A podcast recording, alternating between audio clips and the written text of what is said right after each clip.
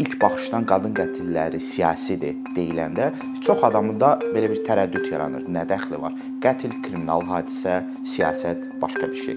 Belə olanda biz aydınlaşdırmalıyıq ki, yəni biz bu şüarda, yəni qadın qətilləri siyasidir şüarında siyasi nə mənaya gəlir?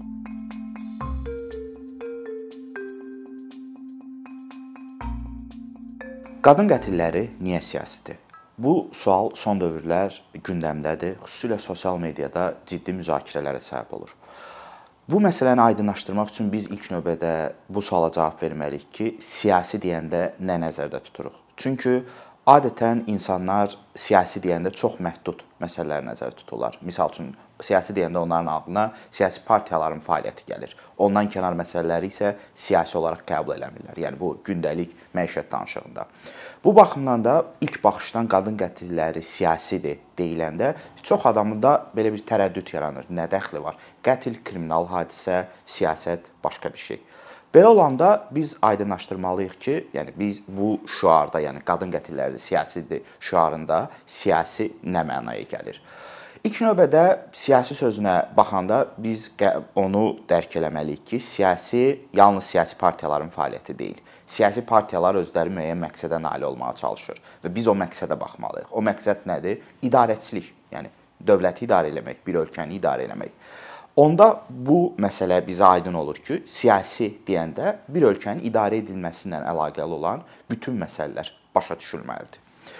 Yaxşı, qadın qətillərinin bu ölkənin idarə edilməsindən əlaqəsi nədir? Adətən qətl hadisəsi şəxsi motivlə törədilir və şəxslər arasında olur və birbaşa olaraq dövlətin idarə edilməsindən hər hansı bir əlaqəsi olmur.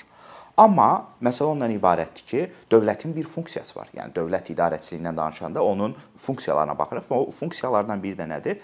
Daxili təhlükəsizlik, əmniyyət, əmniyyət funksiyasıdır. Yəni dövlətin ə, e, vətəndaşların təhlükəsizliyini təmin etməsi funksiyasıdır. Bu funksiyanı da bizim hüquq mühafizə orqanları adlandırdığımız e, qurumlar həyata keçirir. O cümlədən polis, prokurorluq bu qurumlara aiddir. Və o qurumların işi ə, e, daxili təhlükəsizliyi həyata keçirərək bir qrup insanın və ya da konkret bir şəxsin digər şəxs və ya şəxslərə qarşı hücum eləməsinin və bu zəmində ona qarşı zorakılıq və qətl hadisələri törətməsinin qarşısını almaq və belə hadisələr olduqda isə məsuliyyət daşıyan şəxsləri məsuliyyətə cəlb etməkdən söhbət gedir. Yəni dövlətin bu funksiyası buna bərabərdir. İndi biz baxanda görürük ki, Azərbaycanda əgər qətl hadisəsi törədilirsə və yaxud da ki, yaralama hadisələri olursa, hüquq mühafizə orqanları həmin şəxsləri tutub cəzalandırırlar. Amma hüquq mühafizə orqanlarının işi bayaq verdiyimiz tərifdən də göründüyü kimi bununla məhdudlaşmır. Onlar yalnız hadisə baş verəndən sonra şəxsləri tutub cəzalandırmaqla ə, işlərini yekunlaşdırmamalıdırlar. Onlar həm də şəxslərin adekvat qabaqcadan qorunmasını həyata keçirtməlidirlər. Yaxşı, qadınların məruz qaldığı zorakılıqla bağlı belə bir adekvat sistem mövcuddurmu Azərbaycanda ki, bu zorakılığa, yəni insanların ə, yalnız qadınların yox, bu hamıya aiddir. Yəni kişi, qadın, uşaq hamıya aiddir. Ə, məruz qaldıqları zorakılıq, yəni ailə zəminində olan zorakılığa məişət zorakılığı deyilir. Və bu bizim hamımızın ə, məlumudur ki, məişət zorakılığı gündəlikdir, davamlıdır sistemlidir. Yəni hər gün baş verir və bu adətən yəni ailələr və yaxud da ki, yəni həm leqal ailələr, yəni ki, rəsmiləşdirilmiş ailələr, həm də rəsmiləşdirilməmiş münasibətlərdə bu zorakılıq davamlı olaraq baş verir və Statistika da göstərir ki, bu zorakılıq adətən qadınlara qarşı yönəlir və uşaqlara qarşı yönəlir. Belə olduqda isə biz görürük ki, bu sistemli zorakılığın əsas hədəfi qadınlardır və uşaqlardır cümlədən. İndi bu halda qadın qətillərindən söhbət getdiyi üçün ona fokuslanırıq. Yəni bu istiqamətə fokuslanırıq. Və ə, e, bir məsələ var ki, qadın qətilləri siyasidir şüarında ə, e, söhbət yalnız qətillərdən getmir. Baxmayaraq ki, ə, e, birbaşa ona fokuslanılıbdır. Qətl zorakılığın pik nöqtəsidir, ən yuxarı nöqtəsidir.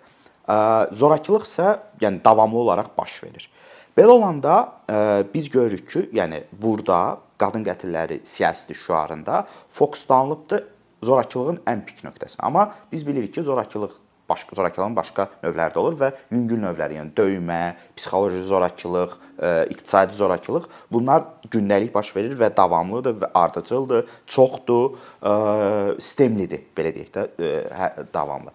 Və Ona baxaq. Yəni bu davamlı olan məişət zorakılığına polis nə cür adekvat reaksiya verir? Yaxud da digər dövlət qurumları nə cür reaksiya verirlər? Onlar ə, belə, yəni ortada ölü olmayanda, yaralanmış şəxs olmayanda məsələni bağlamağa çalışırlar, tərəfləri barışdırmağa çalışırlar və deyirlər ki, bu ailəvi məsələdir, bu şəxsi məsələdir yəni maraqlı deyillər öz funksiyalarını həyata keçirməkdə. Bu və ya digər səbəblərdən. Səbəblər barədə uzun danışa bilərik. Amma ortada olan fakt ondan ibarətdir ki, ortada bir qadınlara qarşı sistemli məişət zorakılığı var. Bu davamlıdır, gündəlikdir. Lakin polis bu zorakılığın qarşısını almaq üçün, qarşısını almaq üçün qabaqcadan adekvat tədbirlər görmür. O cümlədən e, misal üçün e, icra hakimiyyətləri orqanları, yerli icra hakimiyyətləri orqanları müalicə orderi verməlidirlər, onlar da bu funksiyalarını həyata keçirmirlər. Belə olanda isə e, effektiv həyata keçirmirlər, həyata keçirmirlər deyəndə onu nəzərdə tuturdum. Belə olanda isə bu nəticə hasil olur ki, yəni ortada davamlı bir zorakılıq var. Bu zorakılığın pik nöqtəsi kimi qadın qətilləri baş verir və bu qətillərin və o cümlədən zorakılığın qarşısını almalı olan dövlət qurumları öz funksiyalarını yerinə yetirmirlər. Başqa sözlə dövlət təhlükəsizlik, daxili təhlükəsizlik, əmniyyət funksiyasını yerinə yetirmir. Belə bir e, məqamda isə e, qadınlar məruz qaldıqları gündəlik zorakılığın qarşısını almaq üçün və yaxud da ondan yayınmaq üçün bu cür səmərəsiz bir sistemdən istifadə edə bilmirlər və onlar belə olduqda məcbur məruz qaldıqları zorakılığa dözməli olurlar, yaxud da ondan yayına bilmirlər. Yəni ya dözməli olurlar və müraciət eləmirlər və yaxud ümumiyyətcə xəbərləri yoxdur belə bir sistemdən, ya da ki, sistemin səmərəsiz olduğunu düşünürlər, ona görə də müraciət edə bilmirlər və özləri də öz vasitələrinlə qoruya bilmirlər özlərini. Belə olanda isə onların zorakılığa dözməsi, dırnaq arasında deyirəm və yayına bilməməsi reallıqda onların öz iradələrindən bağlı məsələ deyil. Söhbət burada ondan gedir ki, bu halda mühafizə sistemi yoxdur. Qadın qətilləri siyasi şüarı dövlətə öz vəzifələrini xatırlatmaq, yəni öz ümumi öhdəliyini xatırlatmaq məqsədi daşıyır və bu e, şüar vasitəsilə e, o vurğulanmağa çalışılır və dövlətə xatırladılmağa çalışılır ki, sənin təhlükəsizlik öhdəliyin sadəcə insan öldükdən sonra şəxsi gəlib cəzalandırmağın deyil, sənin təhlükəsizlik ilk növbədə təhlükəsizlik öhdəliyin e, qabaqlayıcı, yəni zorakılığın qarşısını ala bilən qabaqlayıcı sistem, səmərəli sistem qurmağındır ki, qurbanlar belə bir səmərəli sistemdən istifadə edə bilsinlər. Və e, bu şüar yəni qadın qətilləri siyasi şüarı bu hədəfə istiqamətlənir və dövlətə öz e, vəzifəsini, öhdəliyini xatırlatmaq məqsədi daşıyır. Ona görə də e, bu şüara bu kontekstdə, yəni bu məqamda nəzərə almaq lazımdır.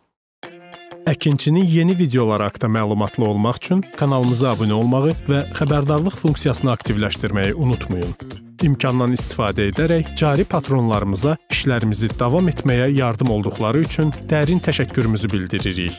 Əkinçinin Patreon icmasının üzvü olaraq siz bizim təşəbbüsə dəstək göstərməklə bərabər hazırladığımız materialları hər kəsdən öncə izləmə imkanı əldə edəcəksiniz.